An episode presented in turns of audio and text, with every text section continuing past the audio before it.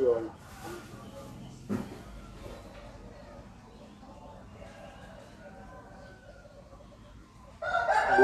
yang wajib dibaca. Tapi di di PDF-nya tidak ada ya Bu ya. Ya, Stargate. buku Starkey ya. Introduction to International Law. Judulnya saja pengantar hukum. Memang buku ini mengantarkan mengantarkan ke pemahaman hukum internasional. Dan di buku ini juga itu ada eh, pembahasan tentang filsafat hukumnya. Eh, Dan bagus cara apa? Cara memulainya seperti dari bab satu kalau tidak salah itu ya Bu. Apakah hukum internasional itu merupakan hukum? Jadi dipertanyakan. Ya mohon dicatat saja ya, ya. Apakah hukum internasional itu merupakan hukum.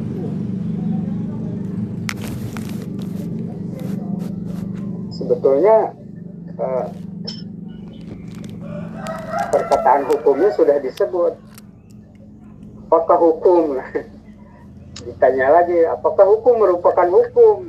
Kan seperti itu kalau ingin diperjelas ya. Kenapa ada pertanyaan disebabkan pada abad 19 lagi gencar-gencarnya itu ajaran positivisme. Positivisme dalam hal ini positivisme hukum ya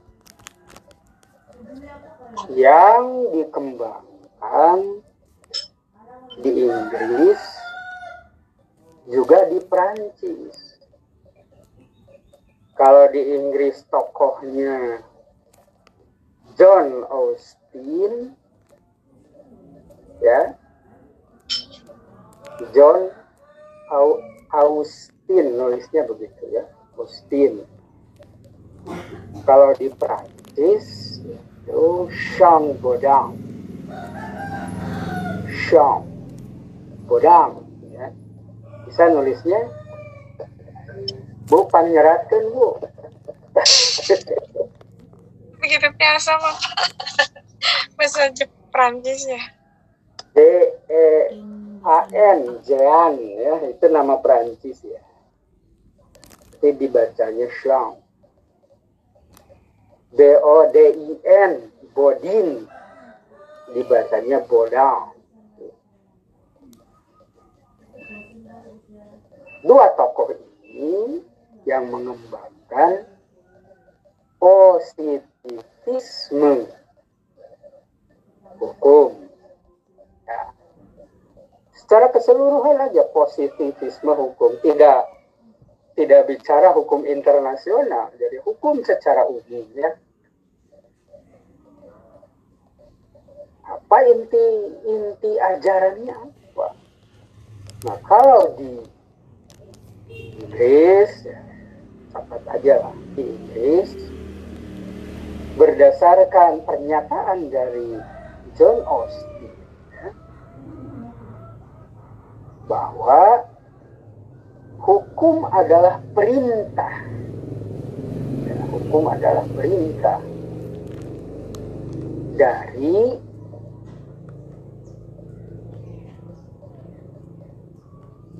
pemegang kuasa.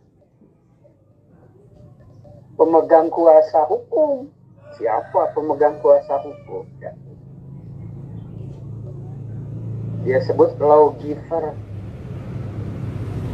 Law is a command of the lawgiver. Ya kan Dan Anda tahu di Inggris itu kan sebetulnya uh, suatu negara yang tidak uh, menganut ya, tidak menganut konstitusi tertulis. Jadi hukumnya itu tidak tertulis.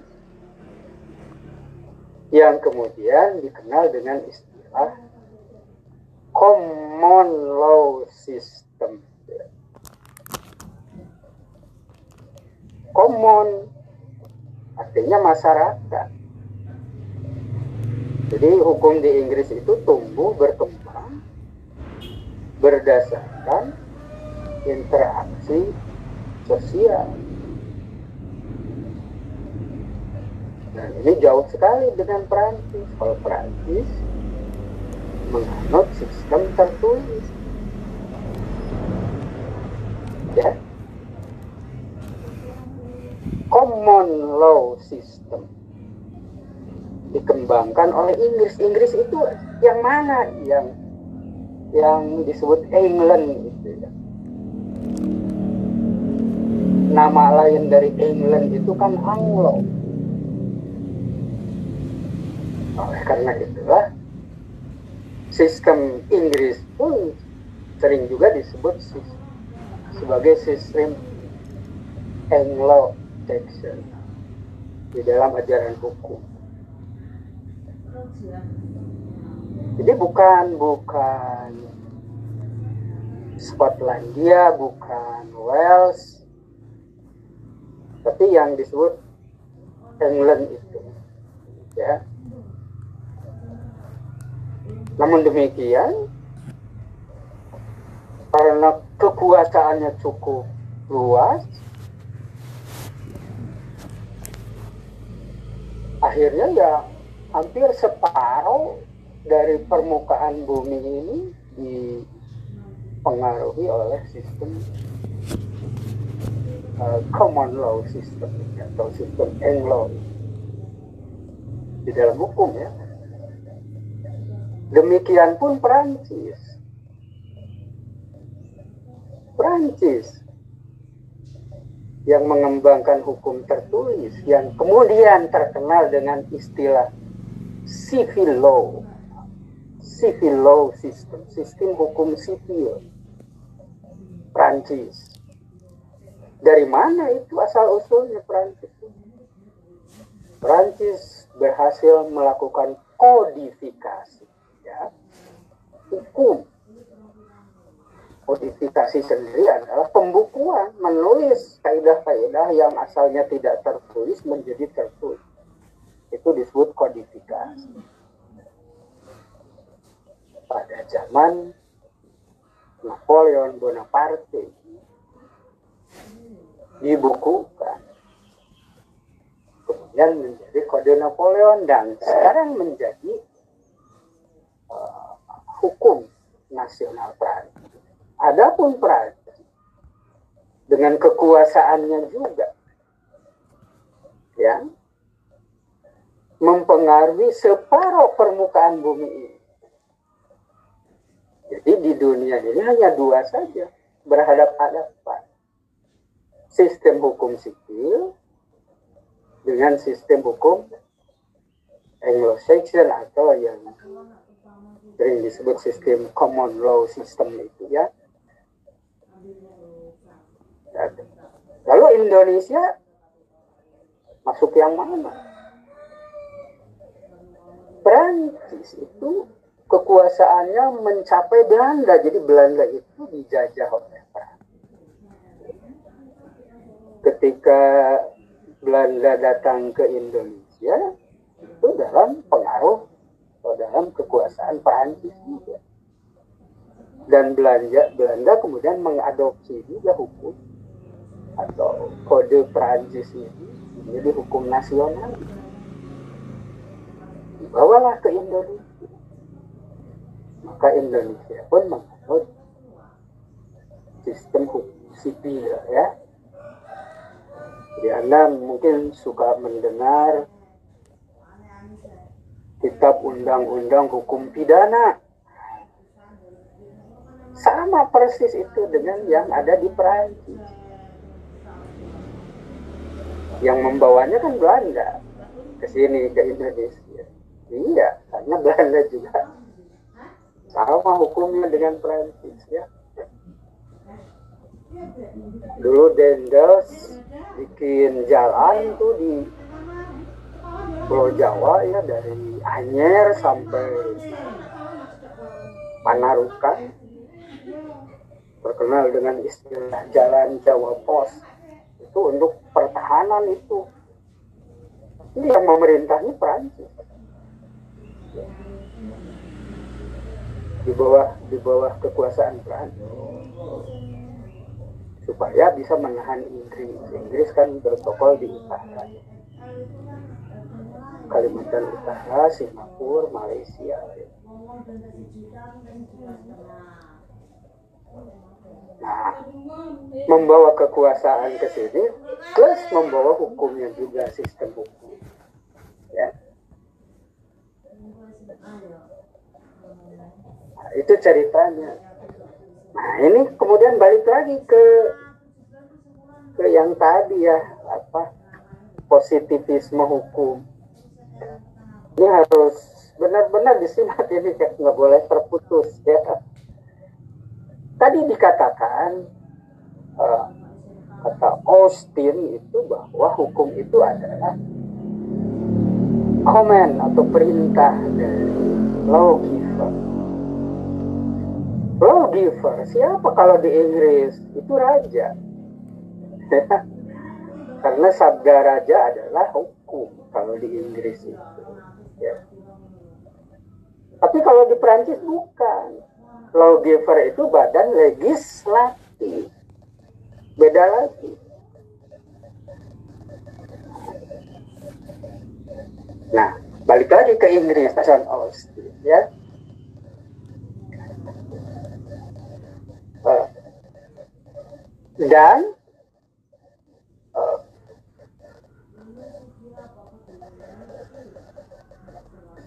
perintah ini kata Austin harus memiliki sanksi.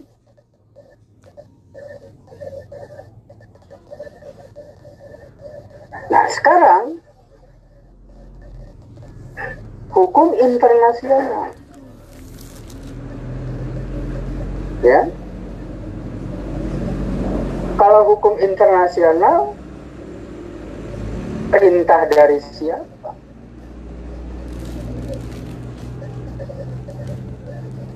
Menjadi persoalan waktu itu.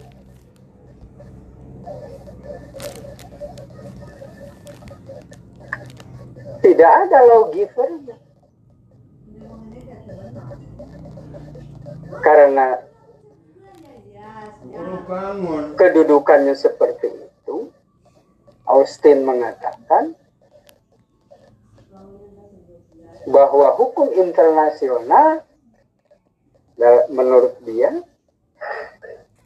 tidak lain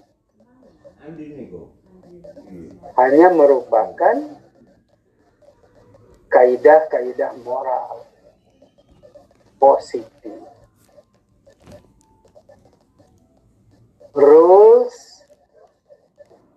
of positive morality di dalam buku dia uh, yang berjudul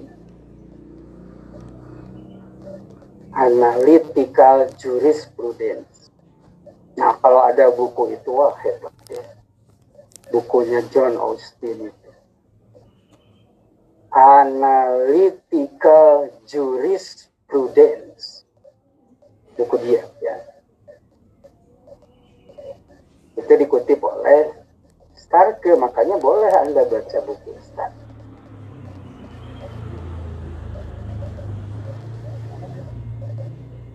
Jadi bukan hukum kata Austin. Menurut positivismenya Inggris ya, tidak lain hanyalah merupakan kaidah-kaidah moral positif.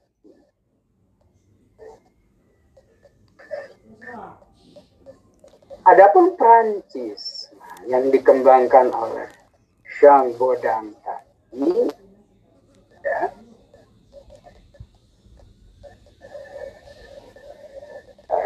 inti ajarannya adalah setiap hukum itu harus merupakan produk ya, produk badan legislatif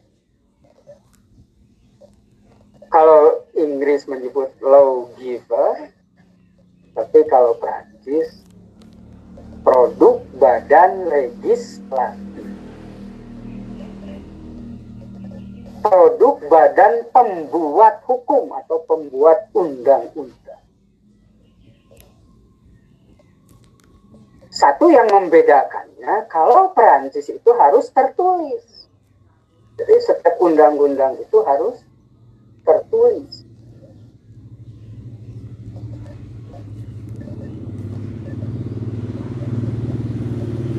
Adapun hukum internasional waktu itu terbentuk melalui praktik interaksi atau praktik hubungan antar negara anda tahu misalnya hubungan diplomatik ya, itu menciptakan menciptakan kebiasaan-kebiasaan. Yang kemudian kata internasionalis itu adalah hukum diplomatik walaupun dalam bentuk kebiasaan. Ya. tetapi tidak menurut ajaran Prancis Kenapa? Karena setiap hukum harus dalam bentuk tertulis. Nah, berdasarkan dua dua dua pandangan ini, dua dua ajaran positivisme Inggris dan Prancis, maka hukum internasional itu tidak memadai untuk disebut sebagai hukum apalagi kalau dikait-kaitkan dengan sanksi. Jadi di, dalam pandangan positivisme setiap hukum harus merupakan uh, berupa perintah dan memiliki sanksi. Frame-nya seperti itu, jalan pikiran.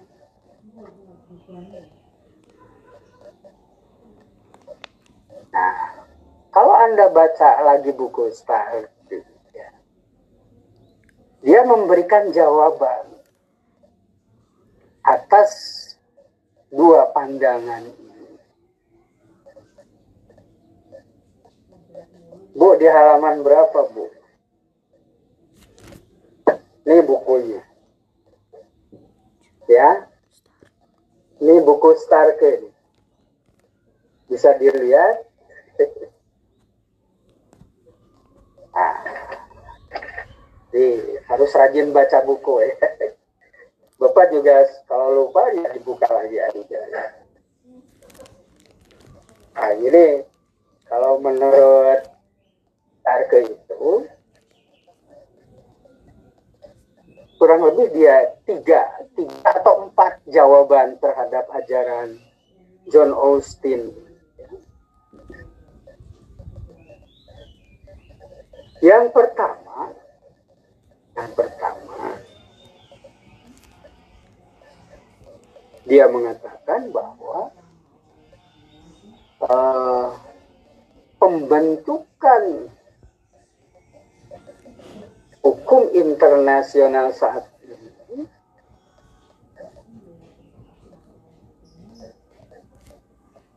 dan yang berkembang sekarang itu sudah mulai sama dengan model yang dikembangkan oleh uh, Bodang ya, yang harus pakai badan legislatif. Baik tata caranya sama. Kenapa? Tidak setelah perjanjian Westphalia muncul negara-negara. Kemudian uh, sampai berakhirnya perang dunia uh, ke satu 1919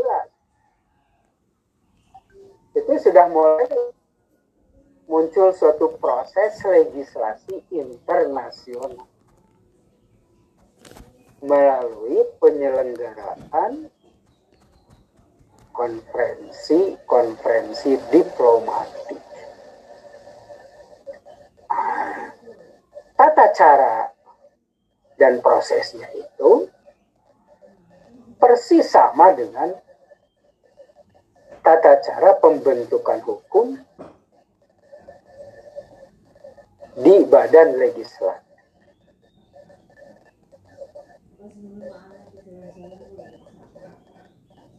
Terus perjanjian internasional lebih mengemuka bahkan kaidah-kaidah yang dulunya kebiasaan kemudian ditulis.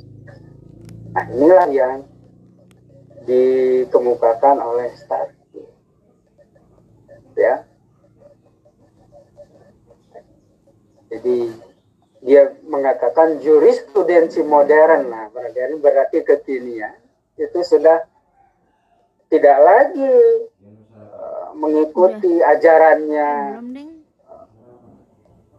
positivisme John Austin maupun Jean Bodang. Ya. Begitu kata saya. Jadi proses pembentukan hukum internasional itu sama persis seperti sebuah badan legislatif.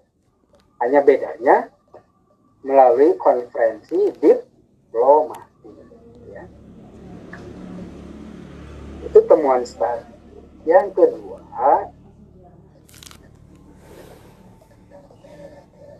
eh, semua kementerian luar negeri. Semua kementerian luar negeri. Selalu memperlakukan menganggap persoalan-persoalan hukum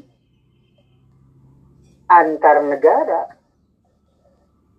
ketika terjadi suatu krisis atau kasus.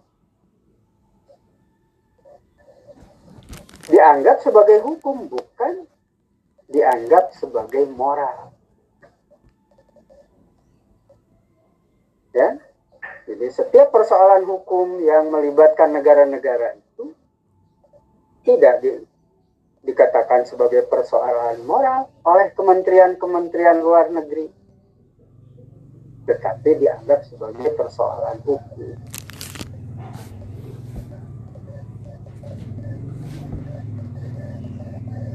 Misalnya, dulu ada kasus Indonesia dengan Malaysia yang terkenal rebutan Pulau Sipade mm Itu pulau kecil yang kalau dilihat di peta, di map, map zaman dulu kan berupa buku ya. Yes. Itu gitu. tidak ada. Saking kecilnya tidak tergambar ya. Pulau Sipadan ini. Posisinya itu di sebelah timur ya Pulau Kalimantan, tetapi persis di perbatasan antara Indonesia Malaysia kalau ditarik garis lurus. Dan pada waktu keluar undang-undang tahun 60 tentang penetapan titik-titik terluar. Titik-titik terluar. Pulau Indonesia paling luas. Pulau Sipadan ini bukan titik terluar. Dari mana asal mula istilah titik terluar muncul di Indonesia? Yaitu setelah deklarasi Juanda. Oh, pernah dengar Anda deklarasi Juanda?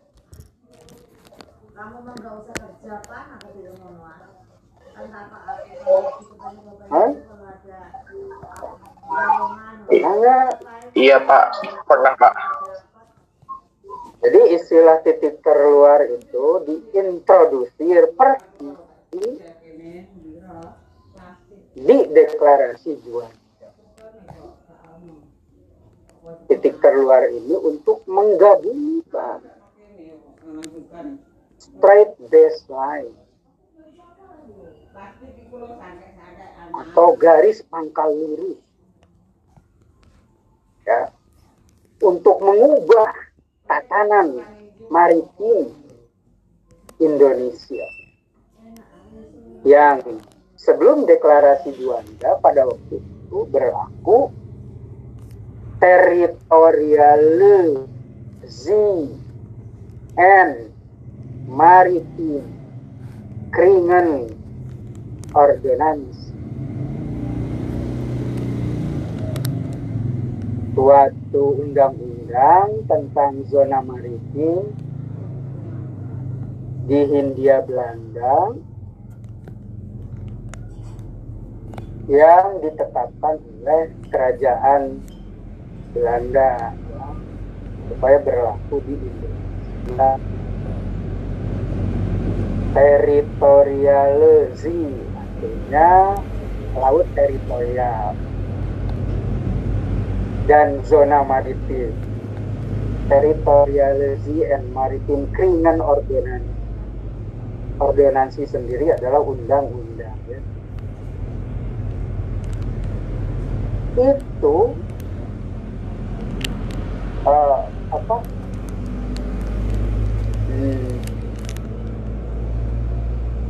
menetapkan lebar laut teritori Hindia Belanda waktu itu hanya tiga mil diukur dari masing-masing pulau. Jadi tiap-tiap pulau itu ada ada laut teritorialnya. Pulau Jawa punya laut teritorial. Pulau Kalimantan punya sendiri teritorial. Nah, antara Pulau Jawa dan Pulau Kalimantan berarti terdapat suatu lorong yang sangat luas yang disebut dengan laut bebas atau uh, high seas di mana di laut bebas ini ya bebas boleh dilayari oleh negara mana pun jadi seolah-olah antara Kalimantan dan Jawa itu terpisah oleh laut bebas. Demikian juga antara Sumatera dan Jawa. Antara Kalimantan dan Sumatera terpisah oleh laut bebas. Itulah kondisinya yang dibaca oleh Juanda. Sehingga dalam perspektif keamanan ini sangat berbahaya ya Indonesia negara pulau tapi di celah-celah pulau itu berjajar musuh begitu ya kalau mau disebut ancamannya seperti itu. Maka deklarasi Juanda menyebutkan satu ini yang penting. Laut teritori Indonesia adalah 12 mil ini yang penting. Diukur bukan dari masing-masing pulau. Kayak zona maritim Belanda tadi diukur dari baseline baseline yang menghubungkan titik-titik terluar pulau Indonesia yang paling luar. Ya, hubung-hubung sehingga hasil dari proses menghubungkan itu laut-laut di sekitar pulau antar pulau itu menjadi terkurung oleh baseline tadi dan dijadikan sebagai perairan pedalaman. Oh, oh sekarang di di Unclos disebutnya itu sebagai perairan kepulauan Indonesia. Jadi berdaulat di situ. Kenapa? Karena laut wilayah atau teritorial itu diukur dari baseline keluar. Ya. Nah, sekarang balik lagi ke kasus si Padang ya. Ternyata pulau itu tidak masuk sebagai satu dari sekian ratus titik keluar untuk menghubungkan right baseline tadi. Jadi W itu diincar waktu itu oleh Malaysia, lalu diklaim sebagai pulau milik Malaysia. Karena jauh, jaraknya itu berdekatan dengan perbatasan, Indonesia memiliki juga hak untuk melakukan klaim maka terjadilah waktu itu yang disebut sengketa Pulau Sipadan antara Indonesia dan Malaysia. Ya, balik lagi sekarang ke pembahasan tadi. Ya, semua kementerian luar negeri kata Stade, ya kan, menganggap persoalan hukum internasional adalah persoalan hukum bukan persoalan moral. Itu.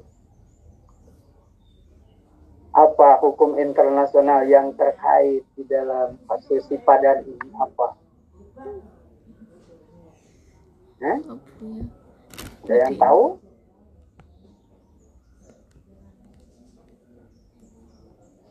Laki-laki ya? Apa? Soal hukumnya apa? Hak kedaulatan teritorial. Siapakah yang memiliki hak kedaulatan teritorial? Pulau itu apakah Malaysia atau Indonesia? Dua-duanya karena boleh diselesaikan dengan negosiasi ya dibuatkan negosiasi. Tetapi tidak mencapai ya, hampir 10 tahun. Nggak selesai-selesai akhirnya kedua belah pihak sepakat dibawa ke Mahkamah Internasional. Turun berarti ya, Pak. Pak Karno turun ya, Pak. Indonesia sibuk mencari data pendukung dan banyak disayangkan Indonesia sudah menyewa lawyer dari luar negeri yang sebenarnya tidak tahu tentang sejarah Nusantara. Kalau dari pihak Malaysia, dia lawyernya lawyer yang, yang tahu persis ya perjalanan Indonesia kayak apa, Malaysia seperti apa, Ini penting sekali. Ya. Apa yang diuji di pengadilan? Ya, semua tentang uh, apa atribut-atribut. Ya. Apa atribut hukum atau teori hukum yang diuji di pengadilan mengenai rebutan pulau? Satu konsep yang disebut dengan effective occupation. Tulis ya, jangan lupa lagi. Effective occupation.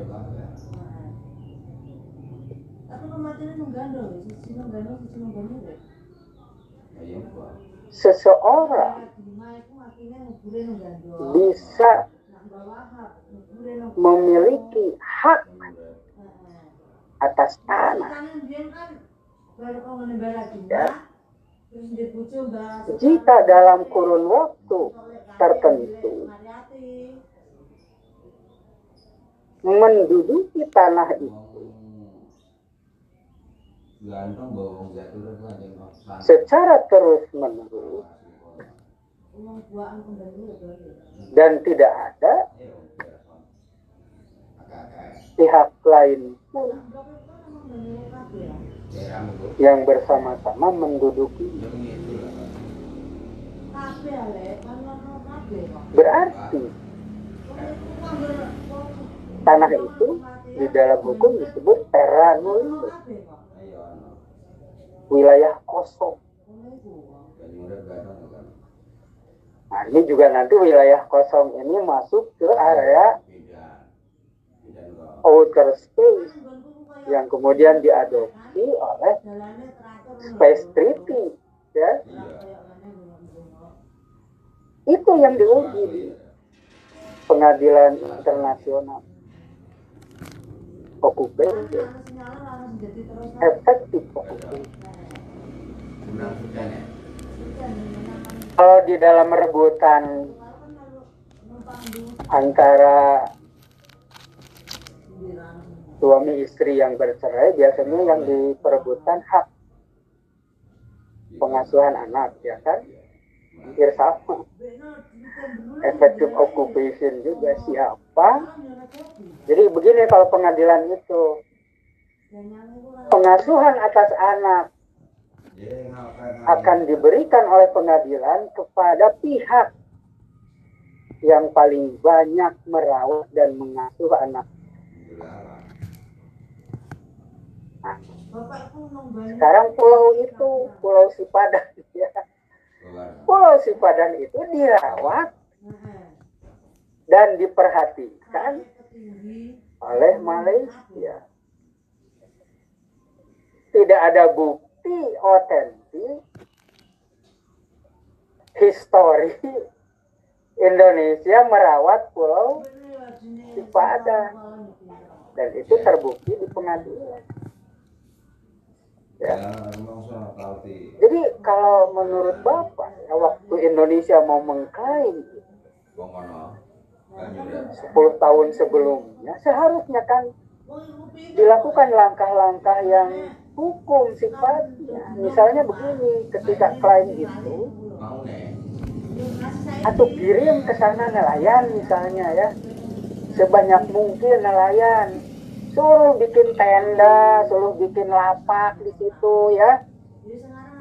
Walaupun sebenarnya bukan nelayan yang benar, tapi tentara yang berprofesi sebagai nelayan lah begitu ya. Itu awal mula klaim yang yang seharusnya dilakukan oleh Indonesia ini tidak tidak ada sama sekali kan ditulis aku bilang diabaikan. Padahal itu akan menjadi bukti bahwa ada penduduk yang berKTP Indonesia di pulau itu. Nah itu nanti akan diperhatikan oleh orang bakalan pihak pengadilan internasional. Iya. Ini tidak ada. Sehingga pengadilan memutuskan bahwa effective occupation itu dipegang oleh Malaysia. Ya. Jadi pulau itu benar-benar dirawat oleh Malaysia. Ya, 25 tahun ke atas bisa. Inilah yang bikin Indonesia kalah, yang katanya menyewa lawyer dari luar negeri. Ya, dengan kemenangan pihak Malaysia itu tahun. berapa ya? Karena Bapak juga membimbing mahasiswa yang menulis eh, kasus ini. Lulus bagus lulusnya karena lulusnya bagus eh, dia diterima di Kementerian Luar Negeri di Deplu ya. Bu Desi tahu nggak Bu? Ya, namanya eh, Lisa Kurnia. Itu mahasiswi bimbingan Bapak yang menulis kasus Pulau Sipan lulus bagus kemudian diterima di Kementerian Luar Negeri di Deplu ya. Tapi sebenarnya bukan cita-cita dia ke situ. Dia bercita-citanya ingin kerja di organisasi. Misalnya dia kerja di sekretariat jenderal PBB di New York Di masa itu cita-cita dia. Hebat ya. Lisa ini hebat ya dia pernah melamar pernah juga melamar ke IMF di masanya itu di ya akhirnya ya karena gingseng Jawa. dia dikejar oleh Batas untuk jadi PLT ya dia cepat-cepat melamar ke situ dan diterima dengan skripsi dia itu. Dengan skripsi Pulau Sipadan itu di Di Datang lagi ke ketemu lagi dengan bapak mau mengurus. Ini pak mengurus. Transkrip katanya ngapain?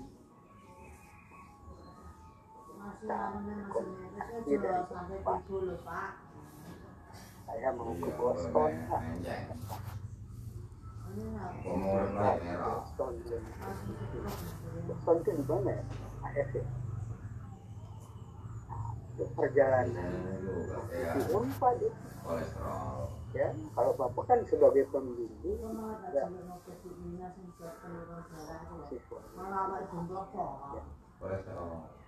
ini juga harus memiliki semangat kalau ingin jadi hari jadilah penstudi hati. Yang tangguh separuh separuh mungkin membaca jadi balik lagi ke Starke ini ya persoalan si Padan bukan persoalan moral tetapi persoalan hukum. Nah, ini sebagai jawaban terhadap siapa? Ajaran positivisi kalau moral kan tidak bisa digugat di muka pengadilan. orang. Ada pengadilan moral ada pengadilan hukum ya kan?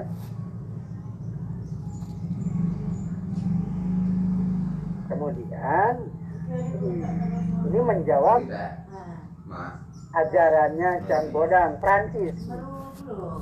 Atas ya. Terdapat masyarakat.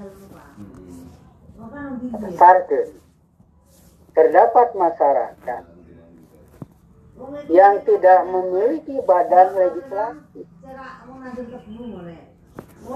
tetapi memiliki hukum.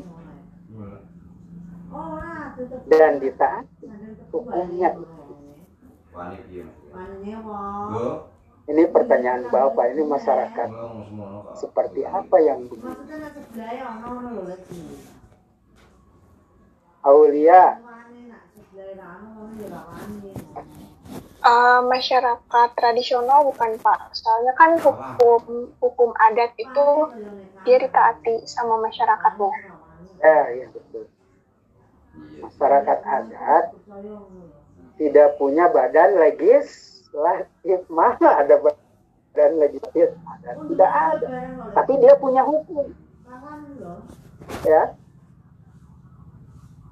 Dan hukum itu terbentuk berdasarkan kebiasaan. Atau berdasarkan adat lah kalau itu temuan Starke untuk menjawab siapa? Untuk menjawab positivisme Prancis tadi. Yang katanya hukum itu harus selalu tertulis dan harus produk badan legislatif. Di luar itu kata kata Prancis, kata Bodang itu bukan hukum. Jadi mau saja dengan kata tertib atau kaidah moral itu kata Prancis dibuktikan oleh Starke. Nah, ada masyarakat tidak punya badan legislatif tapi punya tapi dia punya hukum dan Ngomong ditaati gitu lah. Jalan pulang gitu lah.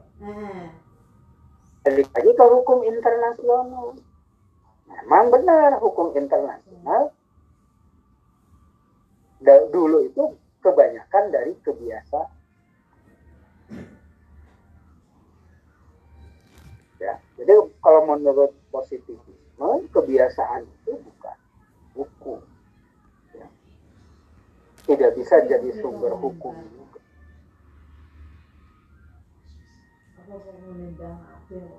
Baca terus ini jawaban yang keempat ya. Di buku Starke juga bapak dibaca Ah, menurut Starke praktik negara-negara. Rondo. ya. Praktik negara-negara telah membuktikan bahwa hukum internasional itu merupakan hukum Nadim kon. Kon Nadim. waktu itu yang disorot adalah praktik yang dikembangkan oleh Amerika Serikat dan Inggris Hmm. bukan Prancis ya. Tapi yang dikembangkan oleh Inggris dan kawan-kawan ya Amerika juga dipengaruhi oleh Inggris sebetulnya. praktik dua negara ini memperlakukan hukum internasional sebagai hukum emang gak terbukti. Ditulis dengan jelas di dalam konstitusi Amerika Serikat pasal 6 Iya. konstitusi AS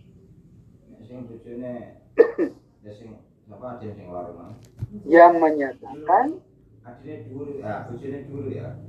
the international law is the supreme ya. Supreme law of the land Ireng kabeh. supreme law untuk Amerika Serikat. Supreme artinya tertinggi. Jadi hukum internasional itu adalah hukum tertinggi di Amerika Serikat dan itu ditulis di dalam konstitusi Amerika Serikat Aku di tengah-tengah.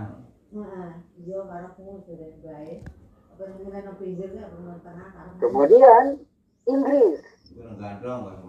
Nah, Inggris malah bertentangan dengan John Austin ya. Karena ini Inggrisnya Inggris dalam arti common law system yang dikembangkan oleh pengadilan-pengadilan Inggris.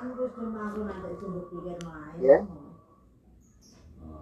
Pengadilan Inggris hakim-hakimnya itu kan sebagai wakil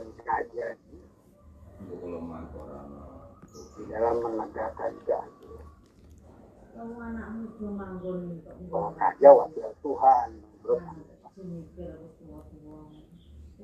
benar kan manusia itu kan wakil Tuhan di muka bumi Iya, Pak. Heeh.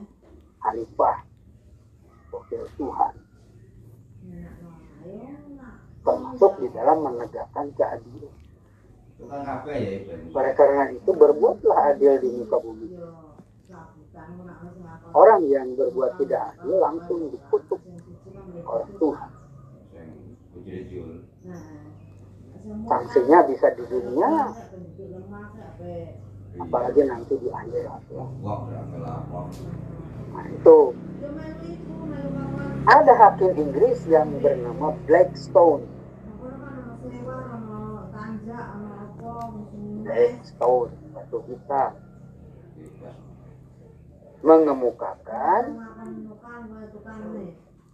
Tidak. mengemukakan bahwa the international law is the law of the land. Apa bedanya dengan Amerika? Oh, pas aku ini kan ya. Sih. Bedanya apa? Nah, itu itu kan tukang kayu iso, tukang apa iso, tukang batu iso. Amerika menyebutnya supreme law, hukum tertinggi di Amerika. Jadi, Kalau Inggris tidak. International law is the law of the land. Hukum na- internasional adalah hukum nasional Inggris. langsung seperti itu. Jatah emak itu loh. Melu ketut Ah. blonjo. Pernyataan Blackstone ini terkenal dengan um, ajaran kepanen. atau sering juga disebut doktrin inkorporasinya Inggris. Oh, dene. Gue emang butuh banget. Ngene. Setiap pernyataan hakim Inggris itu selalu diikuti oleh pengadilan-pengadilan yang lain di Inggris. Oh, plane. Jadi moral Inggris itu ada di hakim tertinggi.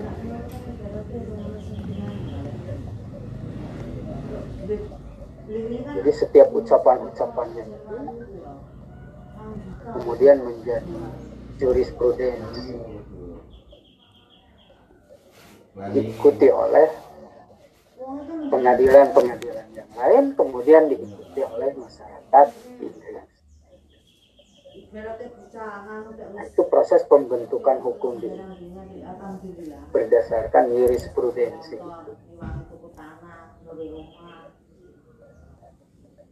Nah, berdasarkan praktek dua negara ini, ini malah bertentangan dengan ajaran positivismenya John Austin, bertentangan juga dengan positivisme hukumnya Prancis. Nah, itulah eh, penjelasan apakah hukum internasional itu adalah hukum.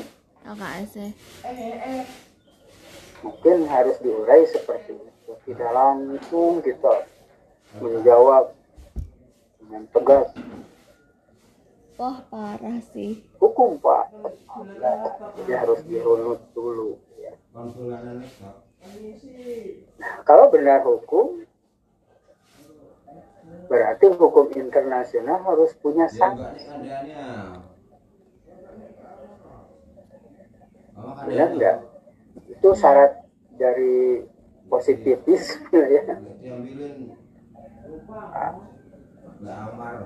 Ya, ini yang harus diurai, ini dibedah juga ya. Tentang sanksi ya. Kenapa? Karena hukum internasional bukan hukum pidana ya. Yang punya sanksi itu hukum pidana. Sanksi sendiri kan hukuman atau pidana di dalam bahasa kita. Dan yang disebut hukuman itu kan badan sifat penderitaan fisik. Ya. Iya kan? Tidak semua hukum di tingkat nasional juga seperti itu. Hukum dagang, hukum sewa menyewa tidak ada sanksi pidana karena bukan hukum pidana, itu hukum perdata. Maksudnya nek neng Ya, stiker nelek. hukum perdata itu sifatnya mengatur hubungan.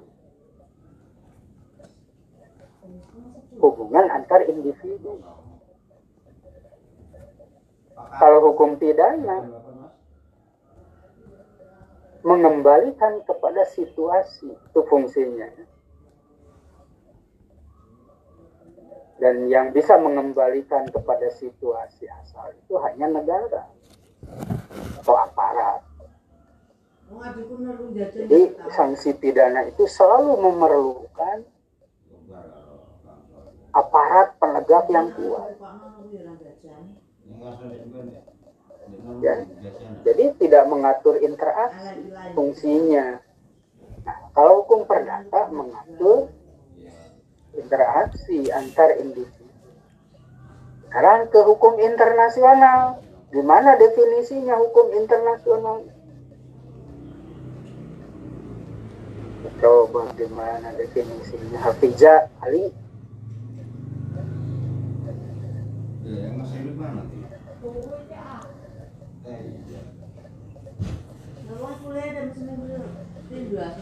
Apa? Mosa. Apa definisi? Eh, ini Pak hukum yang mengikat eh, yang skalanya internasional. Salah, salah. Ini ini rada berat juga memang ini membahas filsafat. Susah. Memang harus dua kali. Ya. Oh, masa Bapak harus balik lagi? Mau nyoba lagi Pak? Oh, nyambung.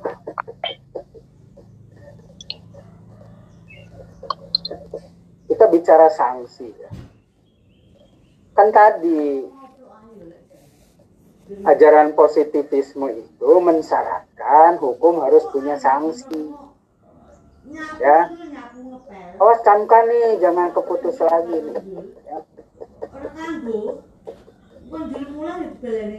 Bapak katakan tadi, hukum yang punya sanksi itu hanya hukum pidana. Tidak semua hukum memiliki sanksi. Ya. Misalnya hukum sewa menyewa,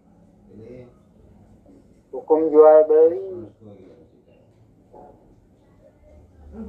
keseluruhan hukum perdata itu tidak memiliki sanksi. Kenapa? Karena sifatnya mengatur hubungan antar individu. Paham sampai di situ? Camkan dulu, terima dulu itu ya. Setiap hukum yang mengatur hubungan antar individu itu tidak bersanksi. Ya. Walaupun ada tuh memang pencantumkan pidana untuk hak cipta. Tapi kan pidananya pencurian, pencurian hak cipta. Pencurian itu ada di KUHP. Ya. Hak ciptanya sendiri itu hukum perdata, melindungi individu. Tetapi mencuri hak orang lain, hak cipta, itu sudah pidana, makanya pidana ada sanksi. Ya. Jadi 99% hukum perdata itu tidak punya sanksi. Kenapa? Karena sifatnya mengatur hubungan antar individu. Sehingga penegakan hukumnya itu diserahkan pada individu masing-masing. Ya. Pahami dulu ini. Misalnya begini. hukum perkawinan itu kan hukum perdata juga ya. ya kalau cecok, wah ini cecok melulu rumah tangga. Bisa diproses di pengadilan itu tergantung individunya itu. Jadi penegakannya itu pada individu, pada suami istri. Mau bercerai atau mau dipertahankan. Bahkan mengajukan ke pengadilan pun harus kedua-duanya. Memang bisa salah satu pihak istilahnya menggugat. Bisa. Jadi kalau tidak hadir di pengadilan apa di penjara kan tidak. Sudah bukan pidana, itu perdata. Jadi kalau mangkir di di apa di pengadilan perdata, di proses perdata itu hanya menimbulkan eh, apa itu konsekuensi ya kehilangan hak. Misalnya hak dia untuk mengasuh anak hilang karena banyak mangkir di pengadilan. Bukan di penjara, nggak ada penjara. Hukum internasional, eh, dengarkan, juga mengatur apa? Kaidah, kaidah. Mengatur Hubungan antar negara. hubungan Hubungan antar negara. Kalau tadi hukum perdata mengatur hubungan antar in- individu ya. Bapak katakan tadi setiap kaidah yang mengatur hubungan nggak ada kan?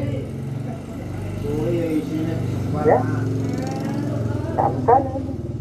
Maka 99% juga hukum internasional itu tidak memiliki sang. Yang ada apa?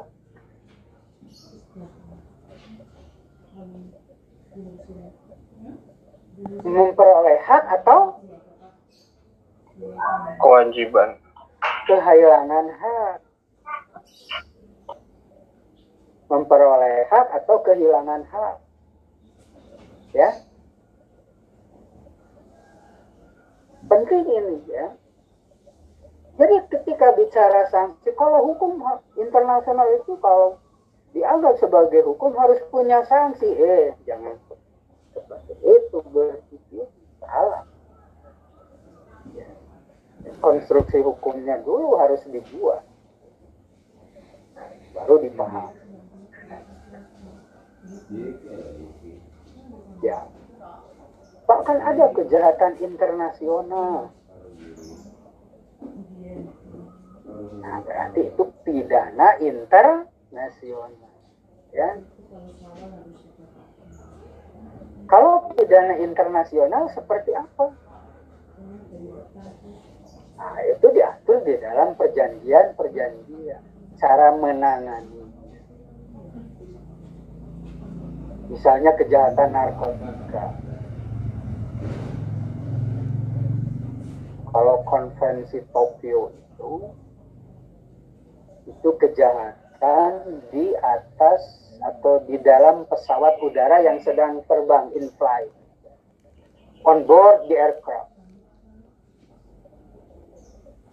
Disebut sebagai kejahatan internasional. Yang disebut hijacking.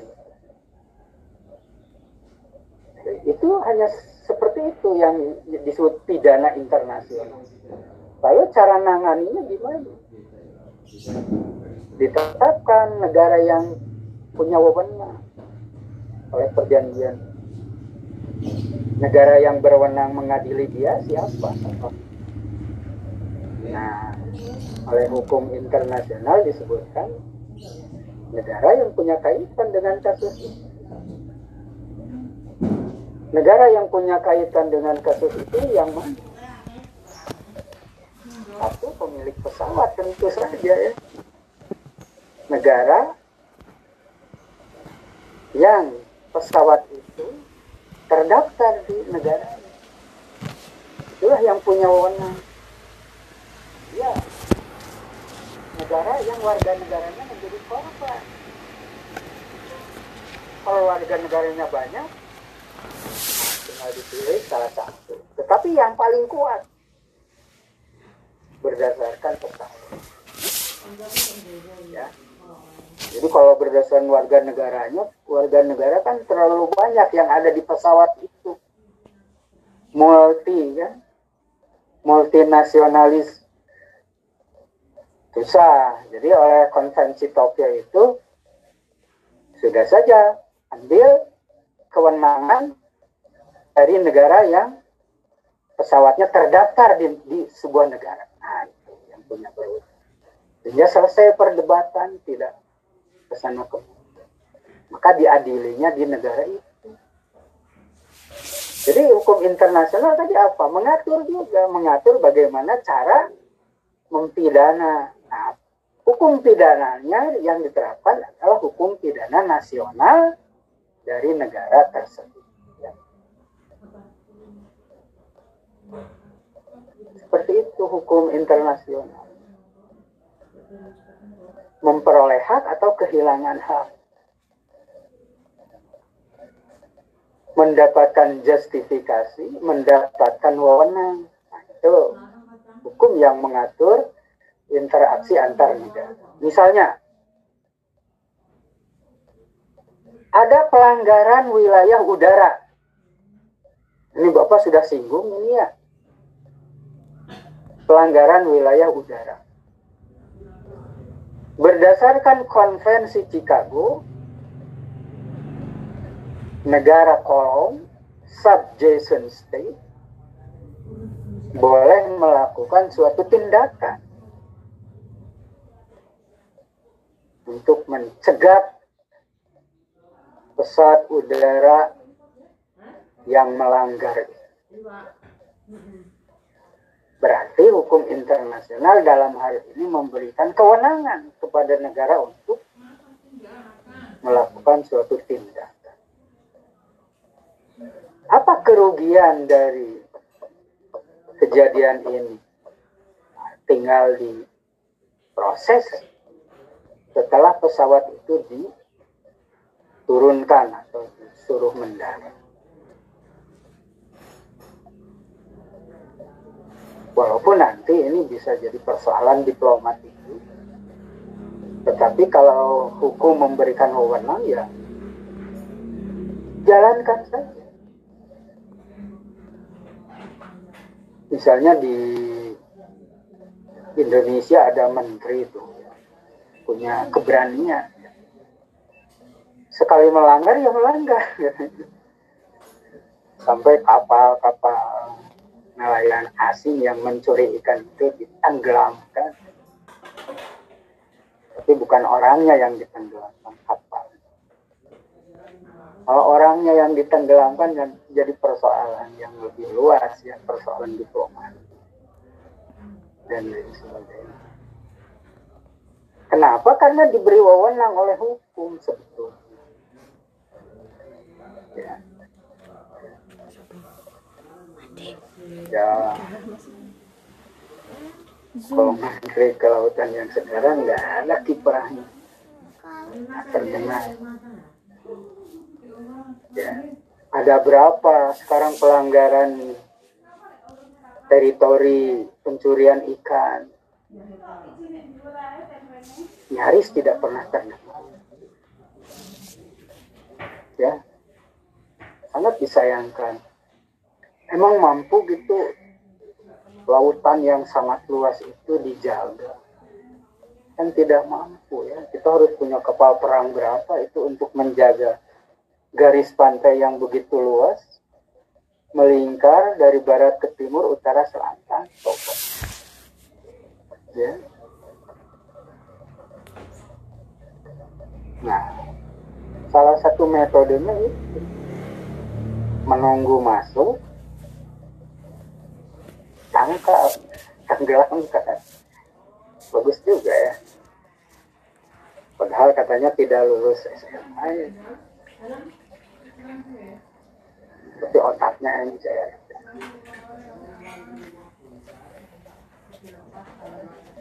Jadi itu ya hukum internasional seperti itu. Bicara sanksi, eh nanti dulu sanksi itu hanya ada di dalam hukum tidak. Namun begitu, boleh juga dikatakan bahwa ada yang disebut dengan sanksi hukum internasional. Ya. Tetapi cara, cara penegakannya itu itu. Hmm, inilah bagian filsafat Eh, hukum internasional. Jika ada yang mau ditanyakan, silahkan. Jangan di pintu ah, dibuat lewat kasur di kasur. Kasur. Bapak izin bertanya. Ya, Nah, eh, kenalkan nama saya Muhammad Zahran Pandu dari kelas B. Izin bertanya Pak, kalau bentuk sanksi internasional itu apa aja ya Pak? Sanksi. Hmm.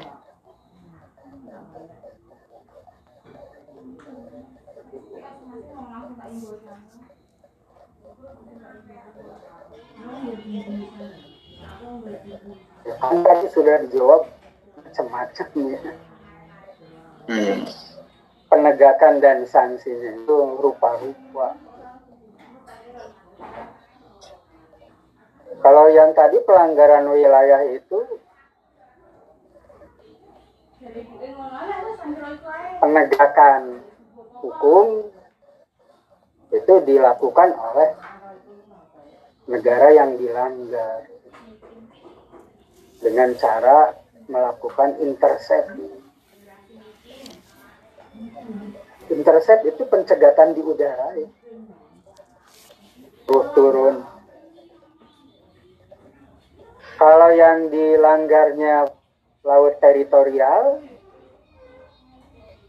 langsung saja cegat, suruh merapat ke pelabuhan terdekat. Tapi kalau waktu mau dicegat si kapal laut ini kabur ke laut lepas ya itu boleh dikejar tetapi harus diberi tanda-tanda dulu. Tembak lambung kiri tembak lambung kanan tidak mau berhenti juga. Tembakan ketiga itu mengarah ke bagian muka dari kapal itu Nah, tiga peringatan itu memang sudah standar, maka hak pengejaran dapat dijalankan. Di dalam konvensi internasional, hak itu eh, ada jika tanda-tanda peringatan untuk berhenti sudah dijalankan. Itu ya bunyinya seperti itu. Nah, ini contoh penegakan hukum. Jadi sanksinya apa Pak? Ya seperti. Negara diberi wewenang melakukan tindakan. Ya. Kalau yang multilateral, sanksi internasional, itu biasanya pelanggaran perdamaian yang diatur oleh piagam PBB. Kayak apa sanksi internasional itu yang diizinkan yang jelas diizinkan oleh piagam itu adalah blokade. Blokade darat, laut, udara. Itu yang diizinkan oleh piagam PBB. Supaya negara yang di, sedang diblok ini dikucilkan itu mengikuti kaidah-kaidah perdamaian internasional. Itu banyak macamnya ya sanksi internasional. Kalau kaitannya dengan keuangan ya tinggal dijalankan oleh IMF. Kalau tentang moneter, pelanggaran moneter internasional IMF punya wewenang Ya. pelanggaran negara terhadap konvensi Chicago tentang penerbangan sipil. Sanksinya tinggal dijalankan oleh Majelis ICAO International Civil Aviation Organization. Pelanggaran dagang internasional. Sanksinya ada di WTO di Badan Penyelesaian Sengketa WTO Anda boleh baca tuh sanksi-sanksi. Kalau di dalam praktik dumping Bapak ngajar nih? Kelas bisnis internasional. Nama sanksinya itu berupa keputusan penetapan anti dumping itu eh, sanksi. Jadi negara yang merasa dirugikan dapat mengambil tindakan kebijakan anti dumping itu sanksi tetapi di dalam perda perdagangan kebijakan anti dumping ini nanti akan menyiksa dari pelaku dumping itu. Tapi bukan siksaan badan ya. Siksaannya berupa kerugian-kerugian yang bakal diderita oleh pelaku dumping itu. Itu macam-macam sanksi internasional. Siapa tadi yang nanya? Bisa dipahami ya? Bisa, Pak. Hmm. Makasih, Pak. ya tergantung kaidahnya apa kalau sekarang kan ada itu WTO itu mengatur berapa ini tentang haki ya Mati lampu. hak kekayaan intelektual. Jadi begini, kalau anda nih pengusaha ya, ini cepat maju, pakai merek yang lain ya yang sudah populer, produksi sebanyak-banyaknya lalu diekspor, ya ketahuan. Nah, dapat sanksi nanti anda. Ketahuan. Apa sanksinya menurut WTO? Disebutkan di situ negara yang menerima. Negara yang menerima produk hasil pencurian merek milik perusahaan lain. Wajib. Nah, pertama menyandra itu barang. Tidak boleh diedarkan. Yang kedua musnahkan. Coba. Musnahkan itu barang hasil pencurian hak cipta sampai ke situ. Sanksinya jadi negara yang menerima barang hasil dari suatu pencurian hak kekayaan intelektual wajib menyandra itu yang pertama menyandra itu ya nggak boleh beredar suruh dimasukkan ke gudang ya lalu ya tindakan berikutnya masa mau dipakai sudah di gudang dimusnahkan nggak boleh beredar kalau diizinkan beredar ya itu negara yang ah nggak usah disebut lah negara apa. Ya.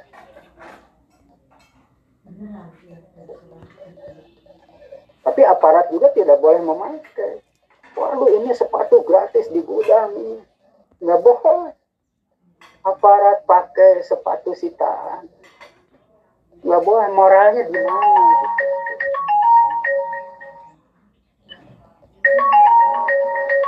ah mungkin kuliah hari ini sampai di sini dulu. Bapak ada sidang skripsi mahasiswa bimbingan Bapak ini udah nelpon nih. Mulainya jam 9.